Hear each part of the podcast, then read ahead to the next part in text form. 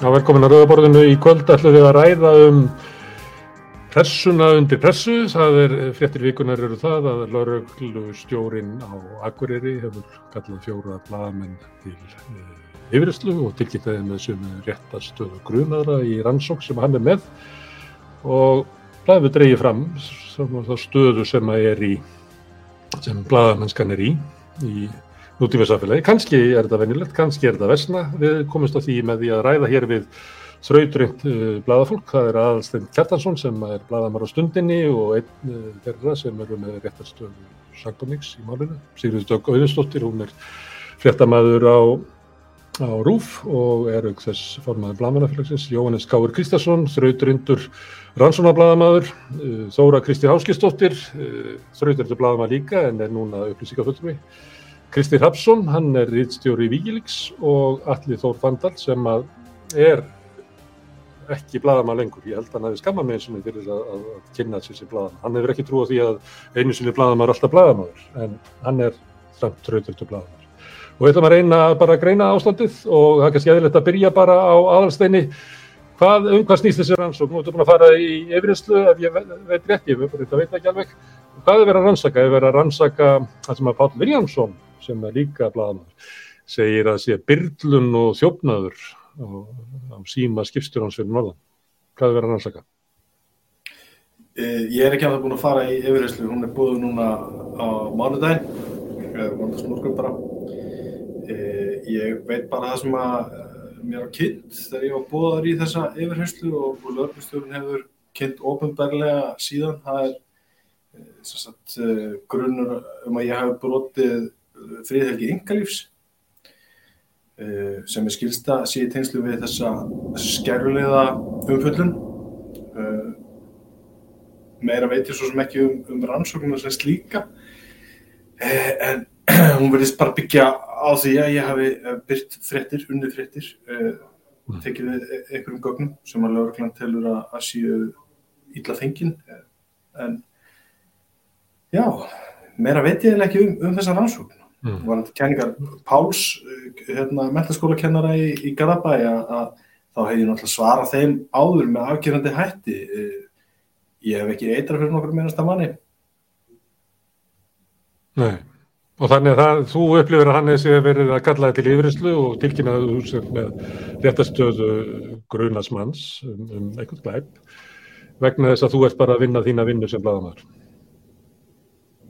Ég, það er verið að vísa í tiltekinn ákvæði hegningalega sem snúa því að e, nýta gögn eða, eða sækja gögn eða, eða skoða gögn eða byrta gögn sem að snúa að friðhelgi enga lífs. Það er endar í þessum laga ákvæðum er sérstaklega tekið á því að, að e, þetta eigi ekki við þegar gögnin eigi erindi. Þess að þegar almanna hagur er á því að, að þessi gögn séu sótt og byrt e, þannig að ég tel alveg auðsýnd að þarna verða að vísa í fréttaflutning. Mm. svo náttúrulega fyrir utan það að þá veit ég náttúrulega sjálfur hvað ég hef gert og hvað ég hef ekki gert og get alveg staðið á því styrkum fótum að, að það get ekki verið til gögn eða vittinsburður um það að ég hef brotið eitthvað lög þannig að þetta snýst bara um fréttaflutning. Já, það er frétti sem að þú skrifaður er eitthvað af þeim sem að þú getur flokkað sem að væri um engalíf þá væri að rjúa fríðhelgi engalífs þessa fólks? Eða voru þetta ofinberðar upplýsingar sem þú varst að byrta eða sem, sagt, sem áttu erindi við ofinberð umræð Ég held að það sé hafið yfir allan, allan vafa að, að umföllunin sem ég skrifaði um skjærulega til samhæri hafa átt erindi við almenning. Það hefur að mér vitandi enginn dreyið það í efa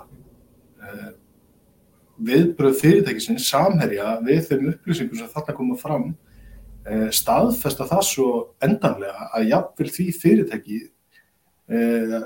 þykji þykji það alveg koma sagt, almenningi við eða, eða viðurkenni það að það var gengstu því að, að þarna séu verið að upplýsa um eitthvað sem er ekki eðlilegt Við báðum afsökunar ef ég maður rétt á þessu sem þið voru að skrifum, sem kom fram þarna, við báðum afsökunar. Akkurat, akkurat. En, en hvað er að gerast, aðstætt? Hvernig upplifir þetta? Þú ert blagamæra starfi og þú ert gallaður sem að grunaði maður. Hvað upplifir það sér í gangi? Það, e, það er bara svo, svo margt sem gæti verið í gangi. E, í grunninn snýst þetta þó bara um það að það verða að fara á eftir þeir sem að segir frá. E, Bladamenn í eðli sínu eru að höndla með upplýsingar sem að einhver vill ekki að byrtist eh, okkur sem fagstjætt er, er falin svo ábyrð að vega og meta hvað er fréttnæmt eh, hvað á erindi við almenning eh, það við og okkur störf erum ekkert hafinn yfir gaggrinni eða umræðu og það er bara fullilega eðlilegt að taka umræðum það fréttamann sem á sér stað inn á fjölmunum eh, það tel ég ekki, eins og ég segði áðan, vera einhver evi um að í þessu tilveki var hárétt mat á þær upplýsingar sem byrtar voru, þær upplýsingar sem vísa var í, í umfylluminni, áttu verandi við almenning, voru mm. frettir. Eh, þannig að í mínum huga er algjörlega ljóst að þarna er verið að fara eftir þeim sem að er að segja frá, er að upplýsa almenning og það er bara ekki læg um það hafa líka fallið dómar hjá mannetþetta domstóli Európ sem að íslenski bladamenn eh, hafa ítrekka þurfta að leita til vegna aðgerða og yngripa íslenska ríkisins. Eh, þannig að mér finnst þetta mjög varasamt og, og ég leiði mér að, að segja það jafnvel áður en ég hef farið í þessa skýslutöku og fæ kynningu á nákvæmlega hvert sakarefnið er. Það er búið að vísa í þessar lagagreinar. Það er fjallað um það að fara og sækja, skoða og byrta og, og náttúrulega eitthvað aðeins fleira en, en, en svona heilt yfir þetta eh, gögn um, um uh, eða enga gögn fólks með þessum eðlulegu fyrirvörum eins og ég nefndi áðan líka uh, að almanna hagsmunir vegi þingra Já, ok. Sýrið Dögg, hvað er að gerast? Það sem er að gerast er í raunni að uh, bladamenn hafi verið kallaðir til yfirheyslu og þeim hefur verið gefið rétt að staða fagbortnings fyrir það eitt að vinna vinnunum sína. Fyrir það eitt að sinna því hlutverki sem er svo mikilvægt fyrir öll líraðið samfélag að þau veiti aðhald og upplýsi um mál sem varða almenning. Og það er bara nákvæmlega það sem er að gerast hér. Og það sem við hefum verið að benda á er að það svo varhugavert þegar að lögregla til þess að geta gengið fram með þessum hætti að kalla bladamenn til yfirheyslu til þess eins. Og nú eins og, og aðalsteit segir án þá erum við náttúrulega með þann fyrirvara að við erum að uh, fjallum þetta mál út frá þeim upplýsingum sem lögreglan hefur gefið gefið það út ofinbarlega að það er um að ræða þarna þessar tvær uh, lagagreinar í hefningulegum sem varða brota á friðhelgi engalífsins. Það er einhver aðrar lagagreinar sem eru undir til að mynda varandi þjófnað og símtæki eða byrlun eða, eða þaðan að verra. Heldur, með við þær uh, upplýsingar sem þessi fjórmenninga hafa fengið frá lauruglu og lauruglu hafa gefið sjálf upp er einungis verið að kalla blagamenn til yfirheyslu fyrir það að vinna vinnunum sína. Og mm. það er alltaf mjög alvarlegt og Evropráði hefur gefið út leiðbenningar um, eða bara tilskipinu og, og, og ráðleggingar um hvernig eigi að fara að í svona málum eins og þessum og, og lögurklæðan á aldrei að uh, koma fram við, eða þú veist, meðhundla blagamenn með sama hætti og um almanna alman, almenning væri að ræða vegna þess að við gegnum bara öðru hlutverki eins og við höfum bent á bæði í okkar yfirlýsing í gær félag fréttamenn og, og, og bladamennafélag Íslands að ólíkt því sem fjármálaráður og formaður sjálfstæðarflokksins heldur fram þá gilda önnur lög um bladamenn og það bara skiptir höfuðmáli í þessu samhengi öllu að með því að mm. kalla bladamenn til yfirherslu og krefja þá um sem við væntum að það sé verið að gera þarna upplýsingar um hver sé heimildamæður þeirra það er verið að það er vitað að þeir muni segja nei vegna þess að heimildamenn njóta verndar samkvæmt lögum. Það má tólka það þannig og bara nýlega þá fjalluðu formen blagamannafélaga Norðurlandana allir um, um þá sömdu álíktum sem gáfu, sendu út sameinlega álíktun sem er um tengd mál en, en í, í, í Svíþjóð og í Danmörku og, og Finnlandi þar sem að Danmörku sérstaklega var verið að kallaða blaðmenn til yfirherslu vegna að leka úr, úr öryggis um, þjónustunni. Og þar voru málir verðuðu öryggis um, mál þjóða. En bara það að skildi að hafa verið kallaðið til yfirherslu þótti meg að líta á sem ákveðina viðvörun frá lauruglum frá stjórnvöldunum að fjalla ekki um tiltekin mál.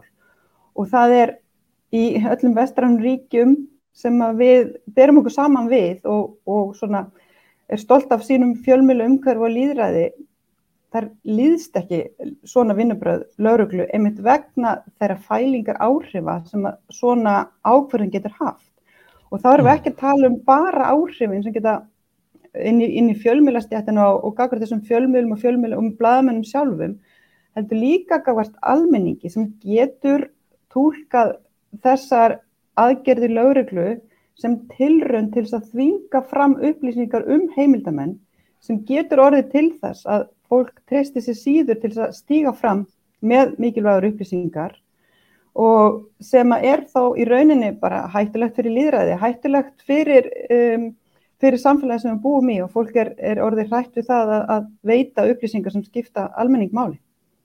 Mm. Segir þetta, akkurju núna og akkurju þetta mál, hefur þú verið kolluð til yfirhjóðsli á lauruglunni út af fréttaflutningi sem þú hefur verið með og tilgeta þú sett með réttastöðu sagbornings? Nei, og þetta er svo áhugavert. Nei. En akkurju núna þá, akkurju núna? Hvað er, hvað er sérstaklega er, þessa tíma og þetta mál? Það er mjög margt sambærilegt við þetta mál, uh, svona, svona umgjörðina um það allt og, og tölupóstamálið sem að uh, ég skrifaði fréttur um fréttabla, í fréttablaðinu á sínum tíma. Um, þar voru stólingögn, sannarlega, mjög líklega stólingögn, svo sem áttugögnin heldi fram að það hefði verið brotist inn í tölvuna hennar og, og gögnum hefði verið stólið og komið til fjölmiðla. Ég var aldrei köllið til yfirherslu eða spurninga um það hvaðan ég hefði fengið þau gögn. Nýja heldur var það aldrei höfuð svona svona eh, megin viðfangsefni rannsókna neins á því máli eða því máli tengdu. Það mál uh, fór síðan í gegnum svona engamála leiðina, var höfðuð engamál gegn uh, fréttastjóra og rítstjóra eins eins og margir muna eftir uh, í gegnum dómskerfið og, og þar var á öllum stigum dómskerfið staðfest réttmæti þess að taka mútið þessum upplýsingum byrtaðir og, og venda heimindamenn þar. Þannig að ég skil ekki sem er eitthvað sem þetta samfélag þarf að ræða síðan í framhaldinu. Hvað hefur gerst í millitíðinu? Það er ekkit langt síðan uh, fordamiskefandi dómar fjallu í, í hæstarétti um, um glitni og, og stundina þar sem er verið að vinna með stólum gögn og þar var sannarlega uh, niðurstaða dómstála að uh, ekki bara að gefa upp heimildamenn sína. Uh, Blaðmennum bara ekki að gera það. Þannig að ég veldi í fyrir mér hvað hefði gerst. Um, við höfum svolítið verið svona að veltaði fyrir okkur hvort að umræðan í löndunum í kringum okkur, anduð á fjölmiðlum, herrferð, ákveðina leiðtóga stjórnmála, leiðtóga bandaríkjunum, Austur-Európu hafi haft áhrif á það hvernig stjórnmöld, hvernig uh, stjórnmálamenn uh, hvaða viðhorf þau hafa kakvart fjölmiðlum og þetta er kannski eitthvað sem við þurfum í rauninni bara að fara að ræða og skoða. En mm. við, við sjáum trend en þau eru ekkit alveg ný. Við getum rætt bara hvernig viðbröðum voru við umfjöllunum legamáli á sínum tíma, Panamaskjölinn, fleiri svona stór mál sem beinast gegn stjórnmálamönnum, það þó þetta máli sjálfur sér beinst í gegn stjórnmálamönnum þá þá komuð aðeins inn á svið stjórnmálamann og svona, og, og svona stórt pólitífs deilumál sem er, er fiskveðauðlindin okkar og, og kvótamálin að hvort að þetta sé í raunin einhver þróun sem hafi færið steg og vaksandi vegna þess að umræðan í kringum okkur hefur svona gefið ákveðið frelsi innan gæsalappa með neikvæðum formerkjum mm. uh, til þess að uh, gaggrína fjölmiðlamenn og bladamenn og, og fjölmiðla með þessum hætti. Og þá Mm. vil ég árétta að ég tek undir með aðalsteinu er gífulega mikilvægt að, að fjölmiðlamenn og bladamenn geti tekið gaggríni, það er alls ekki það sem við erum að gera, við erum ekki að kvenka okkur undan gaggríni, gaggríni er nöðsynleg og mikilvæg og sérstaklega störfum eins og okkar, það sem að er einu sem að við höfum fram að færa er okkar heiðarleiki og, og starfsheiður að við Mm. getum tekið gaggrín og nýtt hann á, á uppbyggjandi hátt og skoðað í hvert eitt sinn sem við erum gaggrínd er hvort hún sé réttmætt og koma að geti lært af henni. En þetta er eitthvað allt, allt annað en gaggríni þegar sérstaklega maður heyrir svona uh, viðhorf sem byggjast á í besta falli vannþekkingu á hlutverki fjölmiðla í samfélaginu eins og við sáum hjá Bjarnar Benditsinni í fyrirdag. Mm. Þú nefndir Panamaskjölin og hér er Jóhannes Káur. Þú ert búin að vera í svona rannsónablaðamennsku bara lengur en elstu með muna eins og sagt er. Hvað hérna, er þetta bara það sem að fylgja starfinu eða finnst þér eh, þessi viðbröður lörglustjórans á, á Akureyri vera sérstök? Eh, Við þekkjum það og ég að til dæmis að þú hefur fengið svolítið að kenna á því að þinni blaðamennsku sem þú hefur stundað, þau hefur hérna ekki lifað við kannski starfsöryggi og eitthvað fleira þannig að það er vita að það er mikil hiti kringum þetta en er þetta, finnst þér þetta að vera svona skref lengra eðlismunur á þessu viðbröðum heldur en, en það sem að þú hefur orðið varfið áður? Ég veist þetta náttúrulega alveg fáralegt hérna, aðfur að, að bladamennunum og bladamennsku þetta, þetta mál fyrir norðan og, og hérna, já ég meina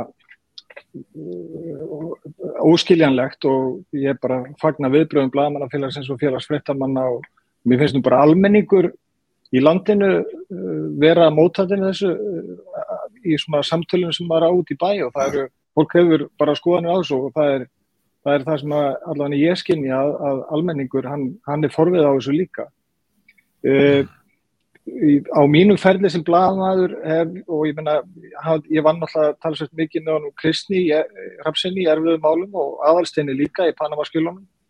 Uh, maður er vanur því að fá hótanir frá uh, fólki sem maður er að fjalla um þegar maður er að leita viðbræða, hótanir eins og já þú heyri frá lögmanninu mínum eða Uh, það er klárt að ég ætla bara að stefna þér og, og allt þetta og þú veist, maður læri fljóta að þetta eru bara innihalslösar hótanir.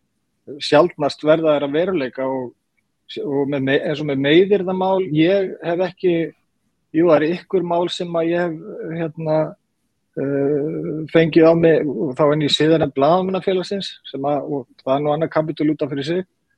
Uh, en uh, það virðist vera sem að ef það er prentað, ef það er, ef það er hérna, stafir prentaðar á, á, á pappir að þá eigir meiri hæ, hættu því að vera að vera stemt vegna meiðir það það er minnum það í sjónvarpi þannig að það var nú gaman að skoða það.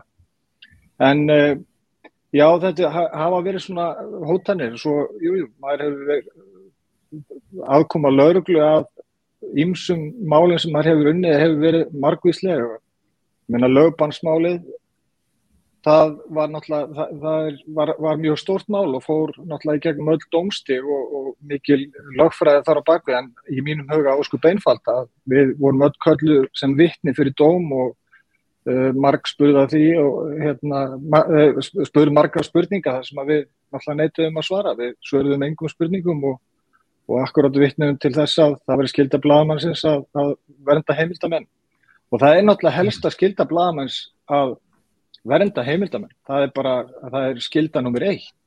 Þú getur ekki starfa sem bladamæður ef þú hefur ekki fólk sem að, uh, kemur og, og, og já, lætur þið fá upplýsing, gefur þið upplýsingar og er tilbúið til þess að, að, að koma gögnum til þín eða, eða hvernig sem það er. Þannig að þetta er bara mjög heilug skilda.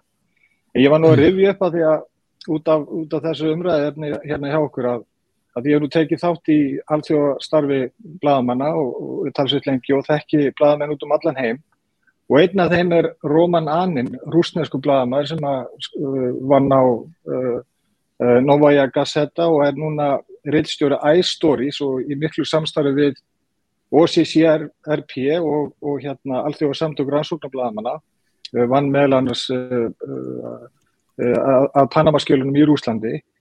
Þessi, hann Róman Anín var færður til yfirherslu í fyrra, í april í fyrra, út af vegna frétta sem hann skrifaði 2016 um eiginkonu vinnar Pútín. Er búið, það, hann er búin að vera hleraður af FSB síðan þá og hann, hann svo sem hefur alltaf farið valega og uh, gruna það að hann, það væri verið að fylgjast með honum en það, það, sko, það verið allt verið hlerað hjá honum. Það var gerð húsleit heima hjá honum, húsleit á skrifstofunum, rittstjórnar skrifstofunum, það var allt tekið, minnisbækur, símar, tölfur, tölvudiska, allt saman. Þannig að veist, það að það sé verið að kalla íslenska bladamenn til yfirheyslu uh, vegna mál sem, sem að hérna, átti svo sannarlega erindi við almenning, það, veist, getur við farið að bera okkur sama við Rúsland. Ég er bara að spyr vegna þess að það er alveg samlíkindi þarna finnst mér á milli. Það var hérna kona sem býr á Íslandi og mentuð sem bladamaður frá Rúslandi, var á rauðaborðið fyrir ykkur sína, hún lísti ástæðu þannig það má skrifa hvað sem er í Rúslandi en bara ef það hefur ykkur áhrif að þá hefur það afleðingar og þegar hún sagði þetta þá hljómaði þetta eins og var að lýsa íslenska hérna, rittfrelsinu, þú mátt skrifa hvað sem er en bara ef það hefur, á, það hefur ykkur áhrif þá getur þú hérna, búist ykkur afleðingum. Já því hún nefndi lögbarsmálið Jóhannes að þá upp af þess var það að, að síslumæður í Reykjavík sem að uh, allra vitorði er innvíður og innmúraður sjálfstæðsflokksmæður settur lögban lauruglustjórin á Akureyri er innvíð og innmúruð sjálfstæðisflokkskona var á, satt í bæjarstjórn í Vestmannefum fyrir höndflokksins Eða að ræða þetta út frá þessu? Að þarna sé raunverulega fólk sem að sjálfstæðisflokkurinn hefur sett inn í dómskerfið sé með kannski tvö alvarlegustu inngripin inn í, í, í störfblaðamanna á svona, hvað, þetta er nú ekki langu tími, þetta eru bara fjú og fimm ár. Ég auðvitað ætti að skoða það, ekki spurning, maður þá ekki útiluga neitt og ég minna, akkur ekki, akkur ætti það ekki að skipta máli að, að, að já, tengsleisa fólks, vegna þess að hver tekur á, á endanum ákvörðuna, það var síslumæðurinn sem tók þessi ákvörðun, þetta var stóra ákvörðun sem að ég efast ekki um að hann hafi vitað að myndi hafa alvarlegar afleggingar og sem það mjög hafði og, og hérna og það er sama með þetta mála þetta er stóra ákverðin að ákveða að, að, sagt, að, að gera þessa bladamenn að sakbúrningum og kalla það til yfirherslu, það er bara þetta á að skoða auðvitað og eðlitt að fólk spyrji. Mm. Þóra Kristín, við tvö erum þau sem munum lengst aftur hérna af, af þessu fólki, við munum þegar að hefur ofinberra tók upp meðverði eh, og við vorum dæmt til þess að borga sektir í, í ríkisjóðs út af meðramálum. Svo slagnaði eitthvað aðeins á þessu þegar marréttinda kablin var settur uh, hérna, inn í, endur skoður í stjórnarskráni og, og, og, og sáttmálinn lögfæstur en síðan hefur þetta bara verið að herðast aftur og svo tapar ríkið einhverju til í Európustónstólum að fyrir aðeins tilbaka en það er eins og sé alltaf einhver svona afl sem að vill herða og herða og herða og þrengja af möguleikum bladamanna til þess að hérna stunda sitt starf. E, hefur þetta alltaf verið svona eða er þetta versna eða eru við hægt og bítandi að, að færast til betri vegar? Hvað er svona þín tilfinning? Það er hérna, það er að setja hljóðið á Þóra. Ég held að þetta afl hafi alltaf verið til staðar en þar sem þið voru á því þið voru að tala um Rúsland þá langaði mig aðeins til að minnast á að ég skrifaði grein 2007 um þarna bladamennsku í Rúslandi og var síðan í viðtölum þegar ég var formaðið bladamannafélagsins eða, eða, já, og var síðan í viðtölum þar sem ég var að bera saman sko mörg teikna lofti hér við svona ólíkarka bladaútgáfuna í Rúslandi. Þannig að, að að þessu umræða sé komin upp aftur núna þegar að ástandi hefur nú verstað til muna hérna heima. En ég held að þessi tilneying til þess að, að þarna hafa taumhald á fjölmiljónum hafa alltaf verið til staðar. En það sem hefur gerst kannski núna sem að, að mér finnst þeirra talsvert alvarlegt má, það er það að sjálfsbynd bladamanna hefur verið að gefa eftir á undanfjörnum árum á sama tíma og það hafa verið mikla breytingar í bæði samfélagsgerðinni og, og tækninni sem hafa fæst okkur svona talsvist öðruvísi fjölmiðlum þannig að það hafa verið miklar áskoranir. En sjálfsmynd bladamanna hefur verið að gefa eftir og það hefur að hluta til verið vegna þess að bladamenn hafa orðið með tímanum, það er bæði orsöku afleðing, einhverjir bara verstu vinnustæðir á Íslandi þar sem að, að fólk vinnur endalöst á einhverjum svo kallum fastlögnum og þarna oft þegar að dæmið tekið saman í vikulokkin að þá er fólk komið sko langt undir lámarslögn. Kjörin voru aldrei góð í, á íslenskum blöðum, þó, þau voru ágætt stundum en þau voru aldrei góð og það var alltaf eitthvað óöryggi í starfinu en það hefur bara kert um, um þverbakk á síðustu árum. Og þessi þróun byrjaði svolítið af því að þú nú að tala um þarna flokksmiðlana, þetta byrjaði í rauninni mjög fljótlega eftir að eða ekki kannski alveg strax en þetta byrjaði þetta byrjaði þarna á þessum tíma þar sem að auðmenn fór að kaupa fjölmila til að leika sér að þeim í stóru mæli og, og, þarna, og, og tóku þá svolítið niður. Ég held að það hafi ekki verið ætlunin frekar en að maður vil svona brjóta nýja flotta leikvangi sitt en, en þeir vildu sem sagt ráða öllu og ég meina þeim fannst þetta bara vera einn sín sem að þeir gáttu gengið, gengið um að vild, gert bara uppáhaldsfrekku sína fréttastjóra og, og rekið alla helstu bladamennina og ráðið bara, já, einhverja svona krakka í staðin sem að litu upp til eigandarna og, og gerðu eins og þeim var sagt. Þannig að, að fjölmjöla voru teknið svolítið niður á löngu tímabili og, og það var líka kjararýrnun og, og núna þegar að verið bara benda á hvað í rauninni hefur fælkað óbáslega mikið í stjættinni að þá finnst manni þarna og, og á sama tíma og verið er að sparka í fjölmilana eins og maður heyrir fjármálar á þeirra að gera og aðstofamann dómsmálar á þeirra í þessu máli þarna fyrir norðan sem ég tek nú undir að er alveg, alveg dæmalust nema það sé uppi beinlinis grunur um að þetta að, að, að fjölmilamenn hafi stólið þessum gögnum beinlinis að þá er engin, engin ástæða til að draga það til yfirherslu. Það er dómafóldæmin eru alveg nægum að, að heimildamann er alveg skýr í lögunum. Hvernig tengir þetta saman Þóra Kristín? Þú þetta tala svona um hörnun fjölmiðlana og hörnun bara Já, ég er að segja að við höfum fjár, fjárhast og grundvöldur er farin undan en hvernig tengir það því að ríkisvaldið gengur á lægið og, og þrengir að, að, að Og þá held ég að við komum að því sem ég var að tala um sem að mér finnst lítir eftir þessu sambandi að það er þessi sjálfsmenn bladamanna mér finnst þess að bladamenn hafi í rauninni gefið eftir og þess vegna fagna ég því núna að Pálei lauruglustjóri hafi, hafi tekið fjóra bladamenn í laurugluransók út af þessu máli vegna þess að það gefur okkur tækifæri í rauninni til þess að ræða það og þessi viðbröð og mm. þarna að hvaða leiti sko við erum að standa með okkur Nú er ég ekki bladamæður lengur en, en að hvaða leiti bladamenn er að standa með bladamennum. Ef við horfum til dæmis á þetta tiltekna mál að þá er þarna bladamæðurinn sem þú nefndir, Pall Viljánsson, fyrfirandi bladamæður sem er búin að fara að hamförum og, og, og vera með alls konar samsæriskenningar og gróðsögur og fá aðgangað af fjölmjölum undir alveg þarna dæmalösar tabulasjónir um, um þarna bladamennina sem í, sem í hlut eiga fjármálar á þegar hann kemur með þetta ömurlega sparksitt og, og, og aðstofa með dómsmálar á þeirra. Þannig að, að þarna bladamenn eru búin að gefa á sér högstað. Svo er annar bladamadur þarna hjá Samherja í þessari skærulega deilt sem var nú verið að afhjúpa, hann var fyrirhandi samstagsmaður minn, hann Þorbjörn Þorðarsson. Þannig að, að það eru bladamenn þarna allavegna og þetta fólk verðist ekki hafa einhvern veginn þessa sjálfsmynd bladamannsins eða, eða þarna, þetta stolt af starfinu. Og mm. það verði slíta niður á, á þessa stjætt sem það tilheyriði og oft sér maður þetta hjá bladamannum að þeir ekki, þeir standa ekki nægilega vel með sér.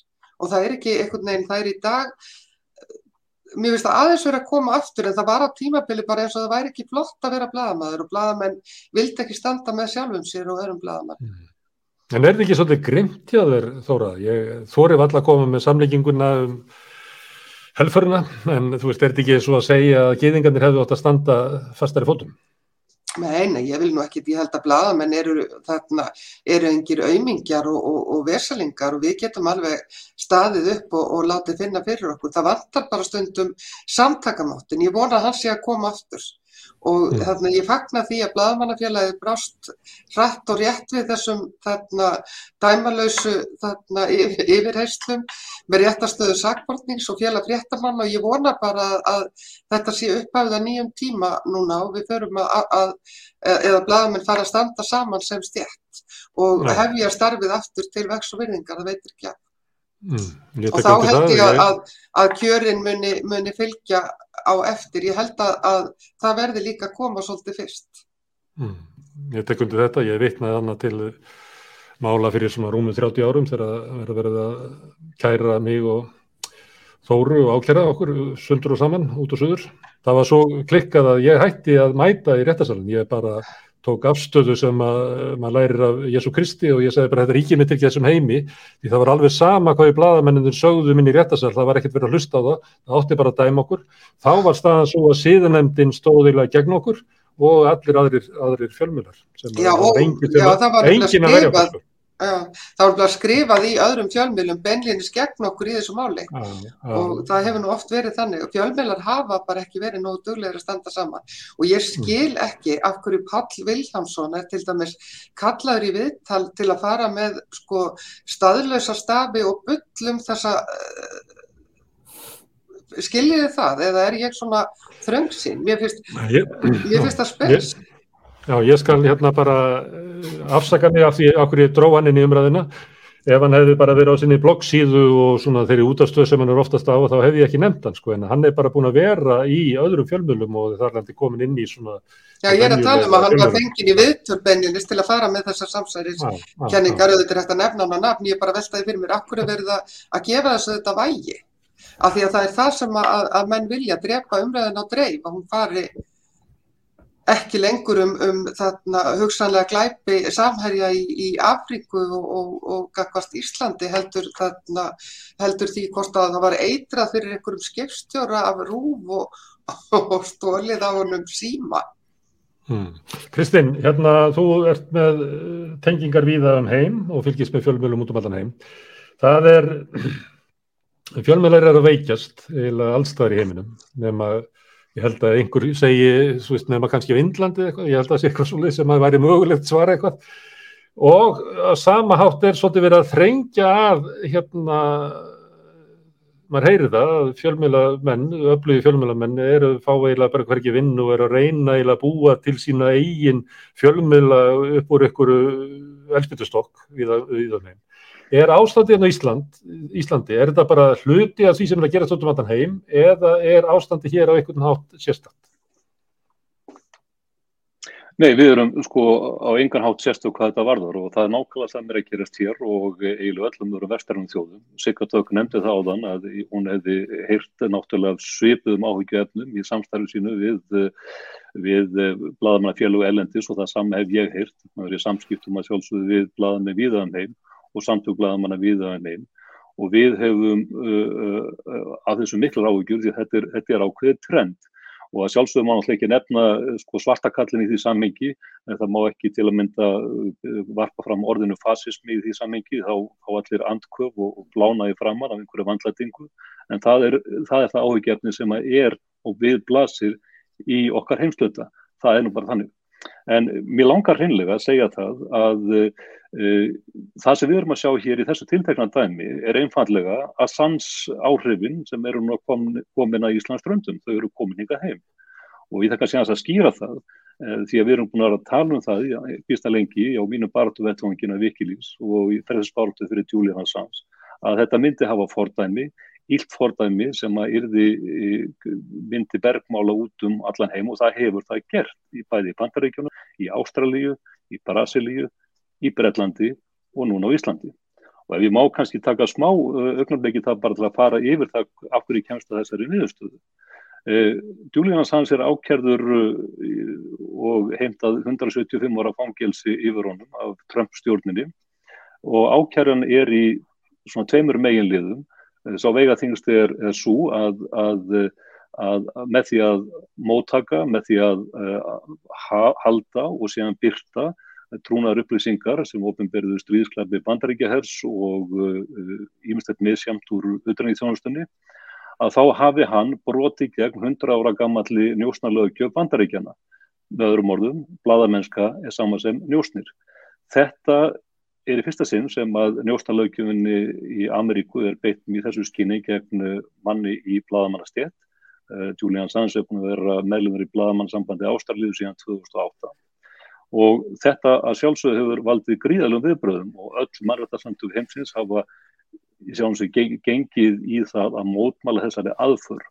Þetta vissi að sjálfsögðu uh, dómsmálaðandi bandaríkjana og skaut á inn í öðrum lið sem að átti einhvern veginn að vera, uh, hvað við segja, diversion, einhvers konar uh, aðtiklis þjóður í þessu sammingi sem var það að Julian væri og einhvern hátt uh, sambrotlegur með heimildamanninum.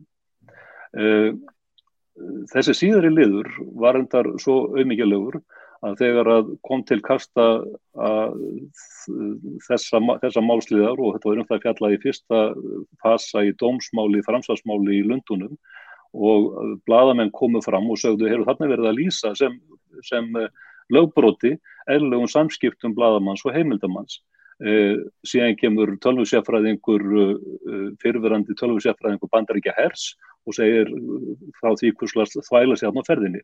Eh, þá skiptir eh, hérna, ákjáruvaldið bandarinska um hest í miðri á og reynir að uppfæra blessað ákjáru skjalið og sækir í smiðju eh, siðblinds síbordamanns á Íslandi sem heitir Sigurður Þórðarsson og skýtur þar inn einhvers konar vittleysu inn í ákjáru skjalið sem átt að raukst í að það að Julian væri Uh, sko segur um það að, að um tölvu hakk og í því hvað og hvað. Uh, það er þetta sprakka villir í andlutaðan þegar þessi sami Sigurður Þórðarsson fer síðan í viðtal á síðasta ári og segir það að allt sem á honum er byggt í þessu ákjæru skellið sér tómu þvættingur og, og, og ekki að nokkur að hafandi Við sögum alltaf, þessi, þessi ákjæra, þessi aðferð sem farin er hérna fram gegn Júlians hans myndi hafa áhrif og hún hefur gert það. Í Ástralíu er fyrir að ákjara bladamenn fyrir það að byrta upplýsingar um meinta stríðskleipi ástralska herja í Afganistan. Hersveit lauruglumanna réðst inn í höfustöðu var eh, ástralska ríkis útvarsins, eh, ABC, og lagði þar halda á gögn til þess að komast að hverjir heimildamenn frettamann þar voru í sambærilegu málum sem snýru að stríðsægstunum. Í, í, í Brasilíu Bolsonaros að þá var farið í herfur gegn bladamannum Glenn Greenwald sem þar býr og eftir því tekið að, að aðförum var á, á ákjæruliðum sem voru eins og copy-paste úr Assange ákjærunni sem betur fer, þá voru dómstólið Brasilíu sem að hrundu uh, þessari aðför uh, þessa íhalds stjórnmálamanns. Í bandarækjunum eru við sjá svipaða tilneyingu þar sem bladamenn eru dregnið fyrir dómstóla. Uh, Í Breitlandi það ákvað Priti Patel, innanrikiðsáð þeirra Boris Johnson, að kynna til sögunar uppfæslu á uh, njósnarlaugjöfunu Bresku, The Official Secrets Act, sem er eins og sniðin upp úr ákjæru skjálfum gegn að sans, að það sé að gera og jafna saman bladamennsku við njósnir e, með þessum e, orfiliska hætti sem að breytum er einu lagið. E, það er ekki ennþá orðað lögum og er náttúrulega mótmælt. Þannig að við erum að sjá þetta sem trend í landi eftir landi og núna er það bara komið til Íslands. Mm. Það byrtist með þessum hætti að þarna hefur verið að fara gegn bladamennum og við skulum ekki gleyma samingi sögunar. Þetta snýst um það að bladamenn fá gögni hendur og upplýsa um, um meinti misferðli einn stærsta og öflugasta fyrirtæki landsins sem snýr að mútubrótum, skattalagabrótum og hvað, hvað eina til rannsóknar í fjölda landa. Þetta snýst um það að það er mynduð skærulega sveit með tengslu þetta fyrirtæki og af þessu fyrirtæki sem fer gegn uppljóstránum og bladamönnum og beitir orðfæri í sínum samskiptum eh, sem eru ekkit annað en hatusorð.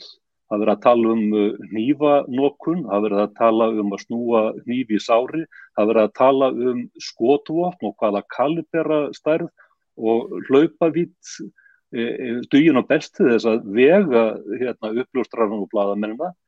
E, þetta var nú ekki að, að hrista mikið upp í lauruglustjóranum í Norðurlandi, henni Páleiu Blesaðri, heldur ákveður hún að snúa í bladinu og fara gegn bladamennunum á einhvers konar undalugum fósendum þess að þeir eigi einhverja hlutdeild í einhverju, einhverju broti sem snýrað tindum síma. Þetta er náttúrulega algjörlega galið og er ekkit annað heldur en smjörklípu aðferðin hans Davíðs Oddssonar blessaðs eins og Jakob Bjarnar eh, brentinu áheldi í gær.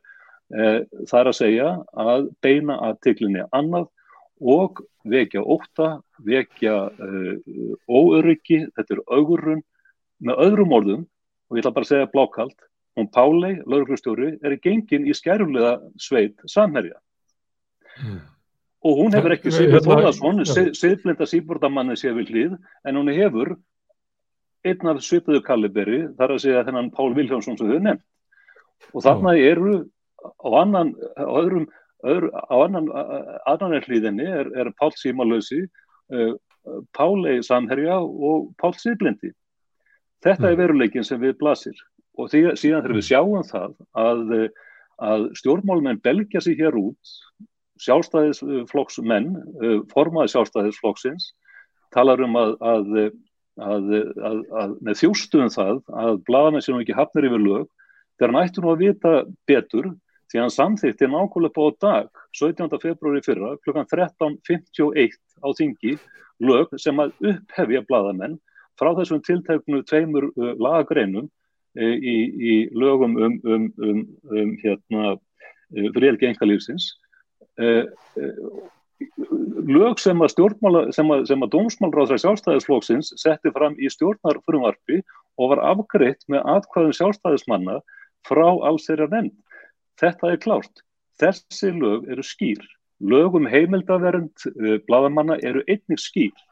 Þetta þetta er algjörlega galin aðgerð sem við verðum að fara út í og hún verður að skoðast út frá pólitískum fórsöndum og í pólitísku samhengi og sem lið í alþjóðleiri eh, þróun sem er aðför að bladamennskunni í vestarna heim.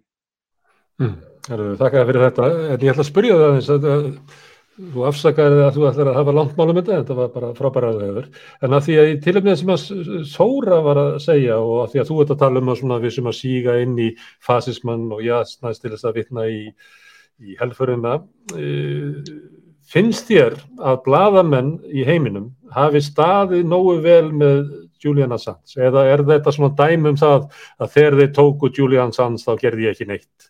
Og þegar þeir tóku þennan þá gerði ég ekki neitt? Erum við í svoleiðis ástandi að við svona andvara leysi yfir því hvað er að gerast Ég, ég nenni ekki alltaf óla við fórsöguna, þeir eru farnir að gera það, allar, allar, allir rítstjórnar uh, stefna allar helstu blada, hvort það er New York Times eða Guardian sem að við erum meinilega við marga hverja þarna vekja hafa, komið til, til liðsfjóða núna.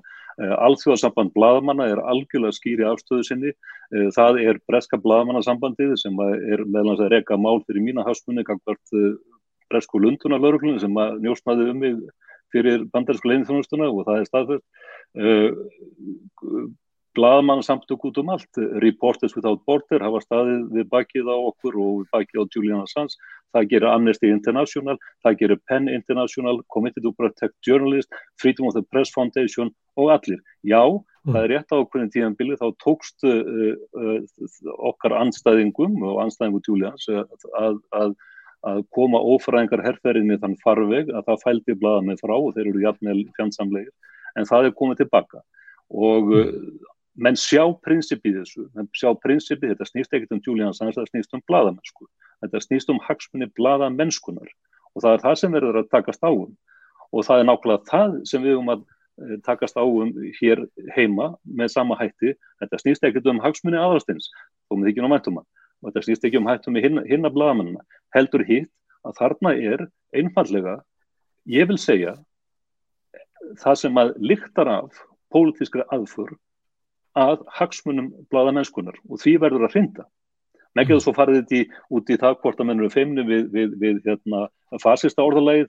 Ég reyði það upp að 2013 uh, og þá var ég morgun útvarsvittali á, á Rúf og og nefndi það eða áhugir uppgangi fasismans og við sæjum merkið þess að sumuleiti hér á Íslandi uh, meðal hans með aðförað af bladamönnum og bladamönnum rúf uh, menn rupuð þetta handa á fóta og skömmuðum fyrir hvað, hvað ég veri uh, orðkvass og, og, og, og með mikil gífurirði ég held að það hefði aðeins breyst, breyst hérna viðmótið, ég sé það í dag að, hann, hann Bræi Pállu Rittöfundur er ekki tveimi við þetta orð, Voldemorts orðið í, í, í pistli í dag og kannski það eitthvað sem verðum að, að, að stóla á listamennina að segja okkur sannleikan og opna umræðina alveg eins og mm. Vesturport gerir í, í verbúðinni en mm. síðan verður við að taka við og þjóðum verður að taka við því að við erum bara að sjá ótrúlega svo svarta anskotans miklu bletti verða að dreifa út um allt og þetta gerist smá saman og ég spáum sköndum og börnina fá asma og ofnæmi og óviskýra veikindi en við verðum að fara að brununum og fara að gera eitthvað rótakt í málunum því þetta er mm. áhugjefni Mm. Takk fyrir að minnast á þessa grein, ég veit fólk fyrir að fara inn á stundina, þetta er fasismi í fínum jakkafötum ef ég mann rétt hvað grein heitir. En hérna er, er Alli Þór Fandal uh, líka, ég sagði á hann að hann verið fyrir til bladamöður, hann er líka frangatastjóri Transparency International sem að, að sendi frá sér yfirlýsingu svona á svipuðum tíma og bladamannafélagið og félag fréttamanna, brást hart við þessu. Hvað, hvernig lítið þið á þetta? Er þetta alvarlegt mál? Er þetta eitthvað sem að, að samfélagi verður að bregðast við að festu? Já, við sendum alltaf frá okkur yfirlýsingu strax hérna í Íslandsdeildinni, ég er frankastjóri Íslandsdeildarinnar uh, vegna þess að við teljum þetta gríðalaflegt og við teljum þetta í raun og veru svona merki til samfélagsins að, að það sé verið að glæpa væða bladamennsku. Ég er sammála kristni um að hérna við sjáum núna svona afleiðingar þess að ekki var staðir nú vel með Wikileaks og Assange og ég vinn hjá samtökum, heimsamtökin hjá Transparency voru segum það og sem betur fyrr verður nú mikil átök og, og þetta hefur nú svona aðeins miðaði rétt átt núna og við stöndum 100% með fjölmjölum og, og blagamönnum. Uh, í kjölfarið höfðum við þetta samband við aðarstöðunar og, og sögðum að þetta væri mál sem væri það alvarlegt að við vildum fá þau inn í þetta með okkur. Við vildum fá sagt, yfirlýsingu frá þeim og svo eitthvað áframhaldandi, eitthvað áframhaldandi vinnu sem er þá í gangi núna. Uh, ég vil líka segja svo varandi það sem að hann hérna Björn Ben segir, eða hans skrif, ég eiginlega sko uh, furða mig á þeim en á sama tíma þá verði ég nú að segja eitt með hann Bjarnar er að hann fylgir þar svolítið svona hans trendi því að hérna þó það sé tala um að þetta sé eitthvað svona óvennlegt þá hefur það aldrei verið mín upplöfun að Bjarna sé mjög umhugað um fjölmila þetta er maðurinn sem kallaði íslenska fjölmila Tómar Skelljar þetta er maðurinn sem að neytaði að mæti viðtal hjá fjölda fjölmila vegna vapningsmálsins það hefur verið sett lögban á umfjöldanum hans fjármál. Hann eitti miklum tími að tala nefnur Guardian fyrir að fjalla um hans fjármál líka. Uh, og, hérna, og hefur haldið langar ræður oft og, og nöldur yfir því að fjölmjöla séu svo neikvæðar og séu alltaf bara að reyna að finna ykkur spillingamál og eitthvað svona. Þannig að maður setur þetta svolítið í það samhengi. Og ég er ekki að segja þetta til þess að svona einhvern veginn að gera lítið úr sko, því sem hann segir að þetta sé bara bjarn að vera bjarni. En heldur að, að hann er dæmi um yfirgengilegt virðingalessi uh, sérstaklega hans flokks en líka bara stjórnmáluna almennt fyrir fjölmjölum og það er svona svolítið típista umræðan fari að þetta sé einhverjir hérna bladamenn með uppstríluð ego og eitthvað annars lít sko bladamennska og sérstaklega rannsóna bladamennska er besta leið samfélags og einn ódýrasta leið samfélags til þess að uppræta spillingu. Og það er bara einhvern veginn í mínum huga algjörlega komið nóa því að það sé komið fram við fjölmjöla á Íslandi eins og þetta sé bara eitthvað, svona, eitthvað leikur, við séum bara eitthvað að dulla okkur við eitthvað að því við getum ekki fara að vinna í fisk eins og allir aðrir. Þetta er raunverulega mikilvægt fyrir samfélagið og við erum búin að horfa upp að það núna í 10 ár, jafnveg 20-30 ár að það vita allir að staðan er mjög vond og sko hérna samdrátturinn er svo gigantískur að þetta er, þú veist, ég er ekki alveg vissum þá hefur verið að skoða þess, ég er ekki alveg vissum að samdráttur á íslenskum blagamannumarkaði eða fjölmjölumarkaði sé samfærilegu við það sem er að gera stannstar. Töluna frá blagamannafélaginu eru þessar, 2013 eru 2238 stöðugildi í fjölmjölu. 2020 eru þau 876 og 45% af þessum samdrætti gerist millir 2018 og 2020. Ég er ekki alveg samfærum um að þetta sé í samhengi við trendin annars þar. Þetta er gríðalegt fall og 2013 var ekki gullallta tímabill. Og hérna, þannig að það sem gerist hérna er það að, í, að okkar mati er glæpa væðing blaðamennsku. Þetta, ef að þetta er ekki stoppað og ef það er ekki hörðviðbröð, ég vil segja að mér finnst viðbröði núna vera miklu hérna betri en þau hafa oft verið. Það hefur oft verið svona tilneying til þess að, að hérna, sláta borðinu og mist segja ímislegt að, sko, að þessi Páll Viljánsson sem að hérna, representar þá sem að tala eins og þetta sé ekkert mál en hérna og, og, þú veist en ég myndi líka vilja fara að sjá sko einhverja alvöru viðurkenningu hjá yfirvöldu á þessari gríðarlega alvarlegu stöðu og þá einhverjar alvöru aðgjörðir. Mér finnst þetta með mjög merkilegt að það er farið í eitthvað svona ásstyrkjadæmi, uh, gefin svona ás ákvörnum það, enginn fyrir sjánlengi, ekkert túst að búið til eitthvað lengra verkefni. Og svo núna í ár að þá er ákveðið algjörlega upp á þurru að skera styrki niður um 20% og það er enga faglega fórsendu fyrir því, staða fjölmeila er ekki betri en samt er þetta bara gert. Þannig að hérna, við höfum sem sagt allavega undarfæri hérna í Íslandsdeltinni líst gríðarlega miklum áhugjum af uh, stöðufjölmjöla, kannski sérstaklega vegna samarimálsins en líka vegna þess að það kemur í sko inn í umhverfi viðvarandi hnignunar í gæðum, þar að segja mm. í starfsumhverfi, í launum, í miklum atgerðisflótta og í umhverfi sem er að breytast þar sem að einfallega hérna, hinnar ökonomisku fossendur eru bara ekki styrkar lengur og þær, er, þær voru mm. og svo auðvitað sem að einhvern veginn vinist alltaf verið að líta fram hjá er að auðvitað er algjör fásina að ætla að reyka sko markasvætt fjölmjölaumhverfi í, í tungumálaumhverfi sem er svona í kringu 400.000 manns það hefur alltaf verið ruggla ætla sér að gera það en það er sérstaklega ruggl þegar við erum með aðila eins og samfélagsmiðla og, erlend stórfyrirtæki sem eru einfallega að stela auglýsingatekjum fjölmjöla vegna þess að mm. Facebook og Facebook sérstaklega eru þetta fyrirtæki sem byggir á því að, mark, að, að geta selt auglýsingar á vinnu bladamanna, efnis vinnu bladamanna og það er eitt af því sem ég vil kannski sérstaklega nefna sem svona dæmi um hversu þetta, þetta er ekki tekið alvarlega einhver er ástæðan fyrir því að Ísland er aldrei í hópi þeirra ríkja sem eru í hagsmunagesslinu gagvart Facebook. Íst, það er einhver ástæði fyrir því að, að Google News Initiative sjóðurinn er ekki á Íslandi og það er einhver ástæði fyrir því að það, engin, það er aldrei neitt samtal um það einmitt að Facebook skili eitthvað af þessum tekjum eins og í öðrum öfurblöndum. Og það mm. finnst mér, er mín, ég dreg það álíktun og það sem vegna þess að þetta sé ekki tekið alvarlega. Nú skal ég spyrja aðeins, ég þarf að spyrja aðeins. Eh, það er hérna, augljóst að, að stjórnmálastjættir á Íslandi er ósaft um að fjölmjöndi svo veikir. Við þekkjum svona pyrring uh, bjarnagakvaði svo þú ert að lýsa þessu að hérna gera lítið úr bladamönnum og þessu uppfyllir að sjálfum sér og sjálfhverfir og bla bla bla. Þetta er svolítið munur á þessu eða því sem að Kristinn er haldað fram að það sé svona fasísk bylgja sem að þýðir það að ráðandi öll ætla sér að nota ríkisvaldið til þess að stýra umræðunni og ta takmarka gaggrinni. Hvort er við þeirri stöðu að, að, að ráðandi öfl á Íslandi séu að nota ríkisvaldið til þess að kæfa niður uh, opna samfélagsumræðu sem er forsenda þess að við getum ekki hér opið virt líðræðisaflug?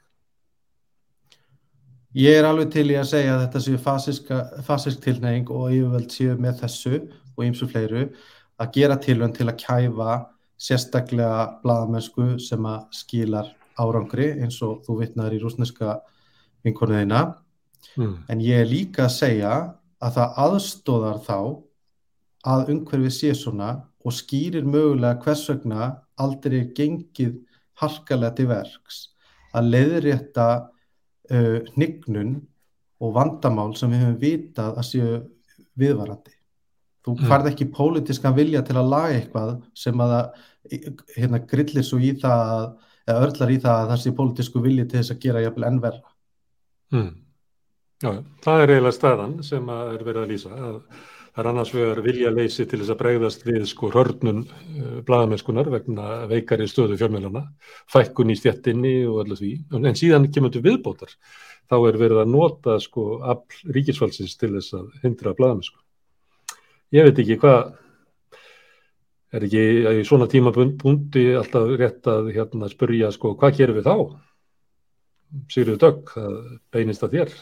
Já, mér langar að því að Kristinn sagði við þurfum að grípa til róttækra aðgerða og ég er alveg sammála því og við erum búin að vera svolítið, er að stjættin að ræða þetta núna frá bara undanfært misseri og sérstaklega svona frá því að þetta samherja mál komu upp, ekki þetta síðasta, ekki, ekki Uh, ég kalli þetta alltaf skrýmstadeildina, ég veit að þetta er ekki skrýmstadeildin þó það er kannski réttnefni, heldur skærilega deildin, heldur bara frá því að ofsóknirnar að hendur uh, aðstein og, og, og helga seljan hófust, hvað við getum gert til þess að vega bladamennsku til vex og virðingar í samfélaginu aftur, ég held að það eins og þóra bendur á líka, þá er svolítið, það er svolítið líkillin að því hvernig við lagfærum þetta ástand, hvernig við leiðrættum þetta ástand er, um, og, og sem að bæði svo umröða sem skapaðist í kjölfar uh, skærilega deildar um, umfjöldanum um hana og það sem er að gerast núna verður til þess að jákvæði hlutur við það er, ég tek undir það með þér Þóra, er að, að fjölmjölar komast á dagskrá og við fáum rými til þess að ræða það hversu mikilvægt það er það starf sem við erum að vinna. Og veist, við verðum líka leifu okkur að tala um þetta án þess að við eitthvað hrættum það að við séum að setja okkur eitthvað háan hest. Af því að ef við gerum það ekki sjálf og minnum fólk á það hvaða hlutverki við gegnum hérna í þessu líðræði samfélagi þá er enginn að fara að gera það fyrir okkur. Og það er enginn Bjarni Benditsson að fara að tala fyrir hönd fjölmiðla og segja fólki og almenningi hversu mikilvægt starf við erum að vinna. Sérstaklega ekki ef við gerum það ekki sjálf. Þannig að ég held að fyrir, svona, uppsprettan þurfa að vera þar. Við þurfum að vera uh, óhrættari, ófeimnari við við að deila því með almenningi hversu uh, mikilvægt starf okkar er fyrir það, fyrir almenning, fyrir líðræði vegna þess að Þetta er ekki sérstaklega rótækt, eh, Sigrid Dögg. Ég held að þú sagði rótæk aðgerð þá, held ég að væri segjum að sé lögbarna á umfjöllun eh, stundarinnar um, um hérna, fjármál Bjarnar Benedíksson þá standa bladamenn saman og bara ræða ekkert við hennar mann. Já, já, skilja hann eftir í bara, þú ert ekki að tala um eitthvað svoleiðis. Já, svona eiginlega, við, erum nú eiginlega svona með langan aðdraðanda því sem ég ætlaði síðan mm. að segja, en sko, mm. þetta er bara svo leið sem við höfum verið að fara undarfærna misseri þess að ég held að við höfum í raunin ekkert svo mörg önnur tæki og tól. Og þess vegna væri svo glöð að heyra að Kristinn sagði við þurfum að fara í rótækar aðgerði vegna þess að ég er sammála.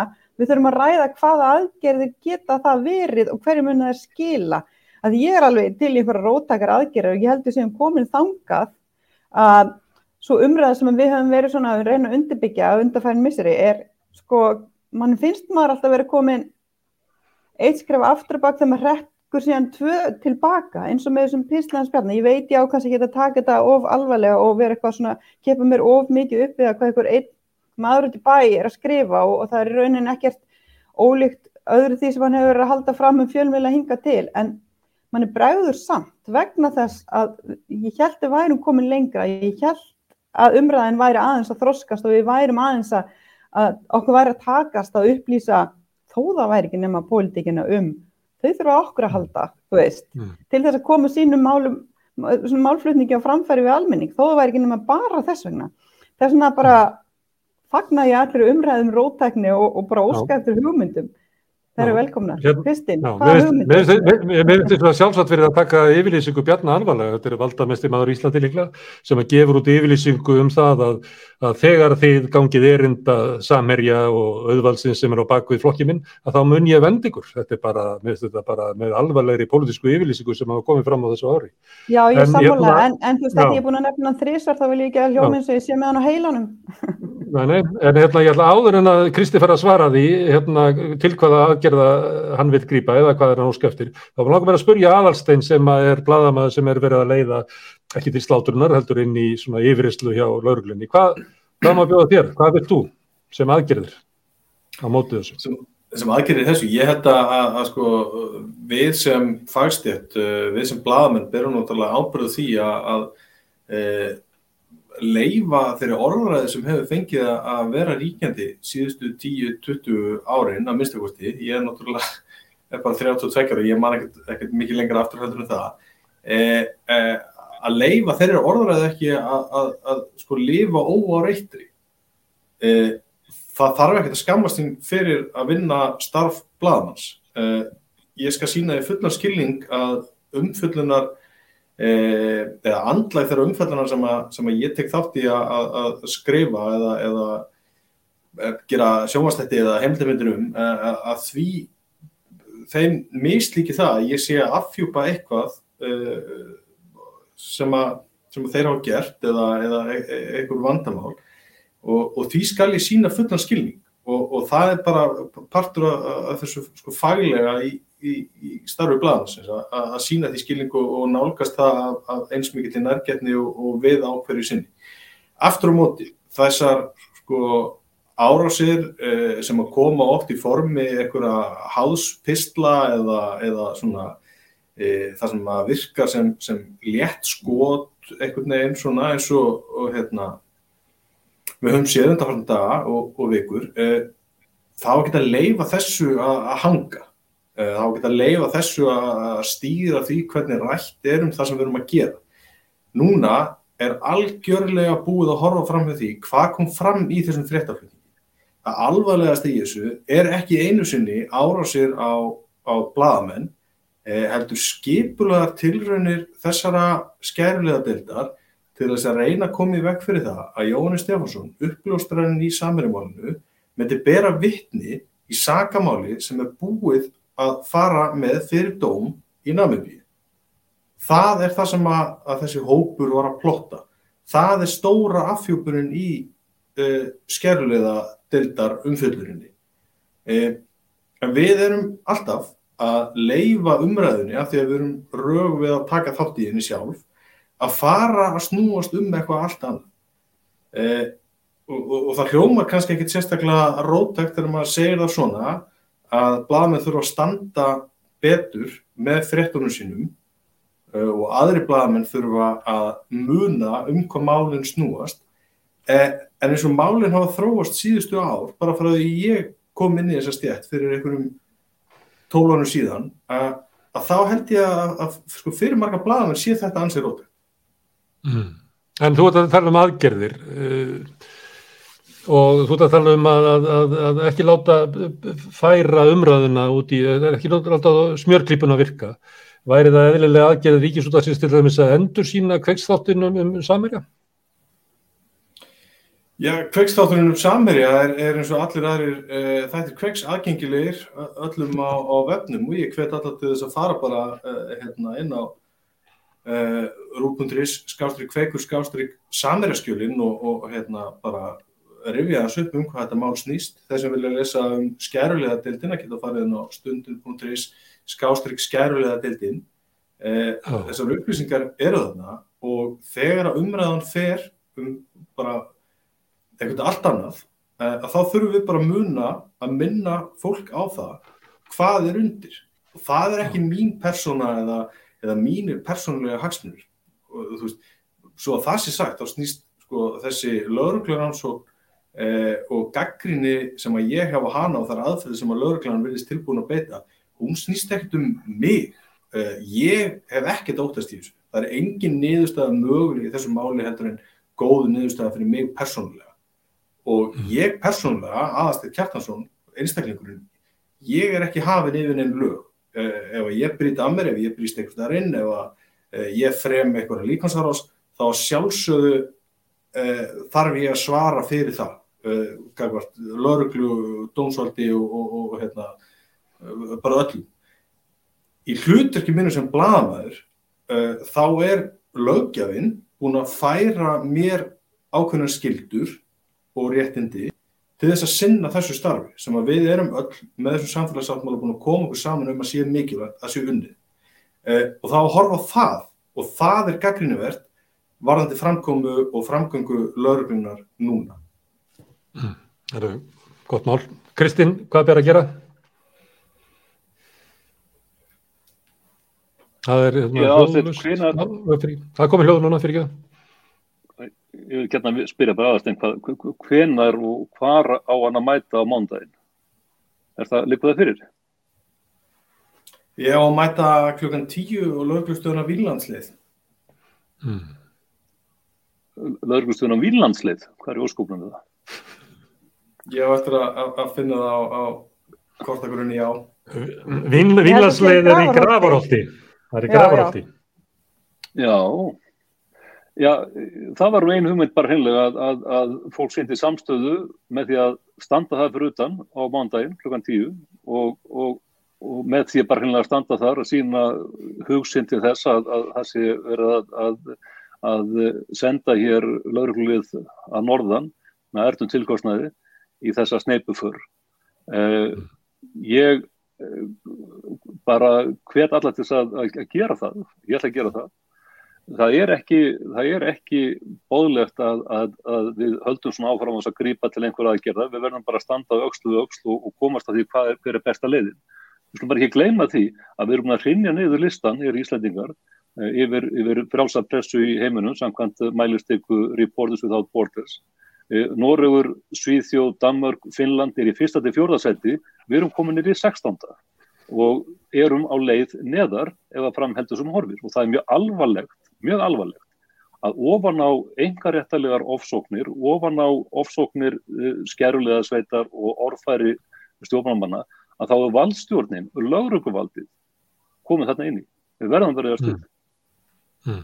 Og svo þetta uh, leggja til svona, við getum kallað svona stjórnmál götunar, það sem að, að almenningur hefur eiginlega ekkit annað heldur svona mótmælin vegna þess að því svona formlega kerfi er að bre- bregðast því, því, því meira sem það bregst að því hérna oftar þarf almenningur að grípa til svona aðgerðar að bara að, að taka sér vettvangin sem er á götunni og, og, og, og berjast þar, þú ert að segja það Kristinn. Ég er að segja að það, að það er algjörlega uh, staðrind að það er engin, það reyðist ekkert í, í þessu síróp samfélagi sem við búum í nema fólk reyði sig úr stað. Það þýðir ekki skrifa bara undir einhverjar yfirlýsingar eða mæta á fundi eins og hér online. Við verðum bara að reyða okkur úr stað og verðum að sína það með þeirri reyfingu og okkur er ekki sama og við getum staðið saman. Þetta er, þetta er, þetta er, þetta er mörgóti frumstætt en síkilt og það eina sem dýr. Það er að segja... Þú, þú hefur að því, þú hefur verið í, hefur í mörgum svona samstöðum út af uh, hérna Assange-málunu út í London. Já, ég, fyrir nokkru vikum þá var ég með hópi manna meðlast þingmannum allum mörgum að- og blokkara umferð í Oxford-stræti uh, á, á Parliament, uh, Parliament Square í London og svo framvegis. Gleimi því ekki að það hefur alltaf verið staða einstaklingsins uh, öxlu öll sem hefur verið reyfiðafl og við megum ekki gleyma því að þar er afl fjöldans. Líðræði er ekkert að virka í, sem skildi okkar samfélagi þegar að meiruluta vilji er hundsaður í veigamiklu málum, hvort það er í sjávartusmálum eða útgjöldandi hilbriðismálu eða hvað sem vil hafa það. Hvenar hefur eitthvað, eitthvað, alvöru hreyfiafl komið til? Jú, það þegar fólk fer út á götu. Það gerðist í janúlokk 2009 og það gerðist eins og Jóhannes mann og manna best 2016 í stærstu mótmælastöðu Íslandssögunar á Östuvelli þegar að þá var þetta fórstráð þegar ákvaða hunskast í burtu. Það var enginn að kasta grjóti, það var enginn að kasta ekkjum, það var ekki mikið verið að hrópa, fólk bara mætti, það stóð og með stöðu sinni, síndi vandlatingu sína og e, lagði áherslu á kröfu sína um að það væri e, e, ekki verið að gera þetta þeirra nafni og það yrði að breyta af þeirri vegferð sem að, þeirri vondum vegferð sem að væri verið að, að, að stefna þjóðin í. En það er búið, búið að skipilegja mótmæli á Östuvelli.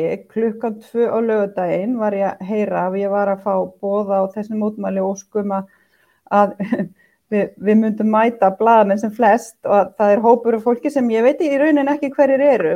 Vantarlega þá, bara eins og þeir að tala um almenningur sem er andum frelsi fjölmiðla og umræðu uh, nöðsinn þess fyrir líðræðið að, að standa vörðum frá svo fjölmiðla, austuveldi klukkan tvö búið að skipulegja hérna einhvern Facebook-hóp og búið að fá leifi frá lauruglu skynst mér og borginni til þess að halda þessi mótmæli. Þannig að þetta er að byrja, þetta byrjar á lögadaginn og mögulega þá eins og Kristinn er að stinga upp á, hugsanlega gæti þessi hópur síðan hýst aftur við lauruglustöðuna um, við Og Vínlandsleik, vín, hver veit. við vínlandsleið. Ég, ég hvet til þess að fólk þrói það svolítið áfram, menn bendi á að víðam heim eru mótmæli núna þannig að koma trukkar og loka umferð og það er, er mjög skant frá stórri umferðaræð sem að liggur upp í Mósusbæ. Þannig ef að menn vilja gera eitthvað að vekja almennilega aðtegla á þessu, þá er þetta að þroska einhverja tegund mótmæla, held, önnur heldur en sem Íslandikra hafa þroska sem er að samstaða niður á Austuvelli sem að eins og Kristi bendi á að árakurslíkast að var eftir kast og stott og ég held að hafi ekki náða að líða sko tveir sólaríkar áður að fórstæðsáður og búið að segja af sér sem að ég held að séu fljót virkustu mótmæli heimsugunar sem áttu sér staðinir á Östuvell á sínum tíma. Jóhannes Ká, er spurningin sem er núna, hvað ber að gera? Hvað byrja að gera? Ég er bara að fagna mótmælum, ekki spurning og ég er alveg sammála kristni að uh, bara líðræði virkar þannig að þegar að fólk sapna saman og það þarf ekki að öskra, það er bara samstæðan skiptir máli. En ég held að við þurfum líka að minna okkur á það hvað, þú veist, eins og aðarsteinn var að tala um, þú veist, hvað og, og Sigri Dögg líka, ég meina við, við störum sem bladamenn og hvað gerum við? Við tökum við upplýsingum við förum í gegnum upplýsingar, við greinum þær, við setjum þær fram á mannamáli eh, og fólk elskar upplýsingar, fólk, almenningur elskar afhjúpanir, eh, það elskar fréttir um spillinguna sem að þrýfst í samfélaginu, það elskar eh, fréttir sem eru sagðar á mannamáli og sem hafa áhrif. Og það er bara góð bladamennska, saman hvort að menn kalli það rannsókn og bladamennsku eða hvað. Það er góð bladamennska það er, það, það er hlutverk hérna, bladamanna að koma þessum upplýsingum áfram. Uh, ég held líka að það skiptir máli að maður hugsaður aðeins út í þessi fælingar á. Ég man alveg mjög vel eftir fyrstu stóru erfiðu fréttinni minni uh, uh, og þessi bylgja óanæju samfélagsins og ráðandi eða hérna, fólks í samfélagin sem hafði einhverja rödd hátsettra einstaklinga hvaða áhrif þetta hafði á mig bara sem bladamann og bara sem personu að fara í gegnum þennan fyrsta skap það brýndi mig og, og þú veist restin skiptir ekki máli vegna þú þart að komast í gegnum þetta. En, en með svona aðgerðum eins og er verið að fara í, í gegn uh, þessum fjóru bladamennum auðvitað he, hefur þetta fælingar áhrif á kannski ung fólk sem að uh, er svona veltaði fyrir sig. Já ég myndi vilja starfa sem bladamæður og nota benni, við þurfum líka að flokka bladamenn í, í hópa.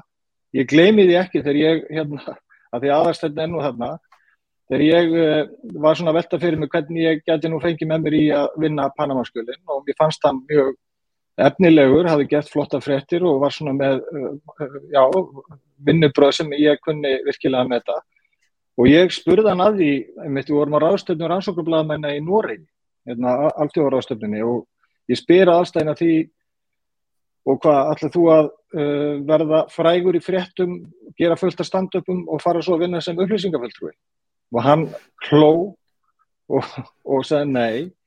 Ég myndi freka hérna opna veitingavagn og fara að selja hambúrgar heldur en að fara að vinna sem upplýsing ég bara taka þetta sem dæmi. Þú, það eru bladamenn mm. sem eru tilbúin til að leggja allt á sig og til þess að veita, koma fram með þessar upplýsingar sem fólk elskar.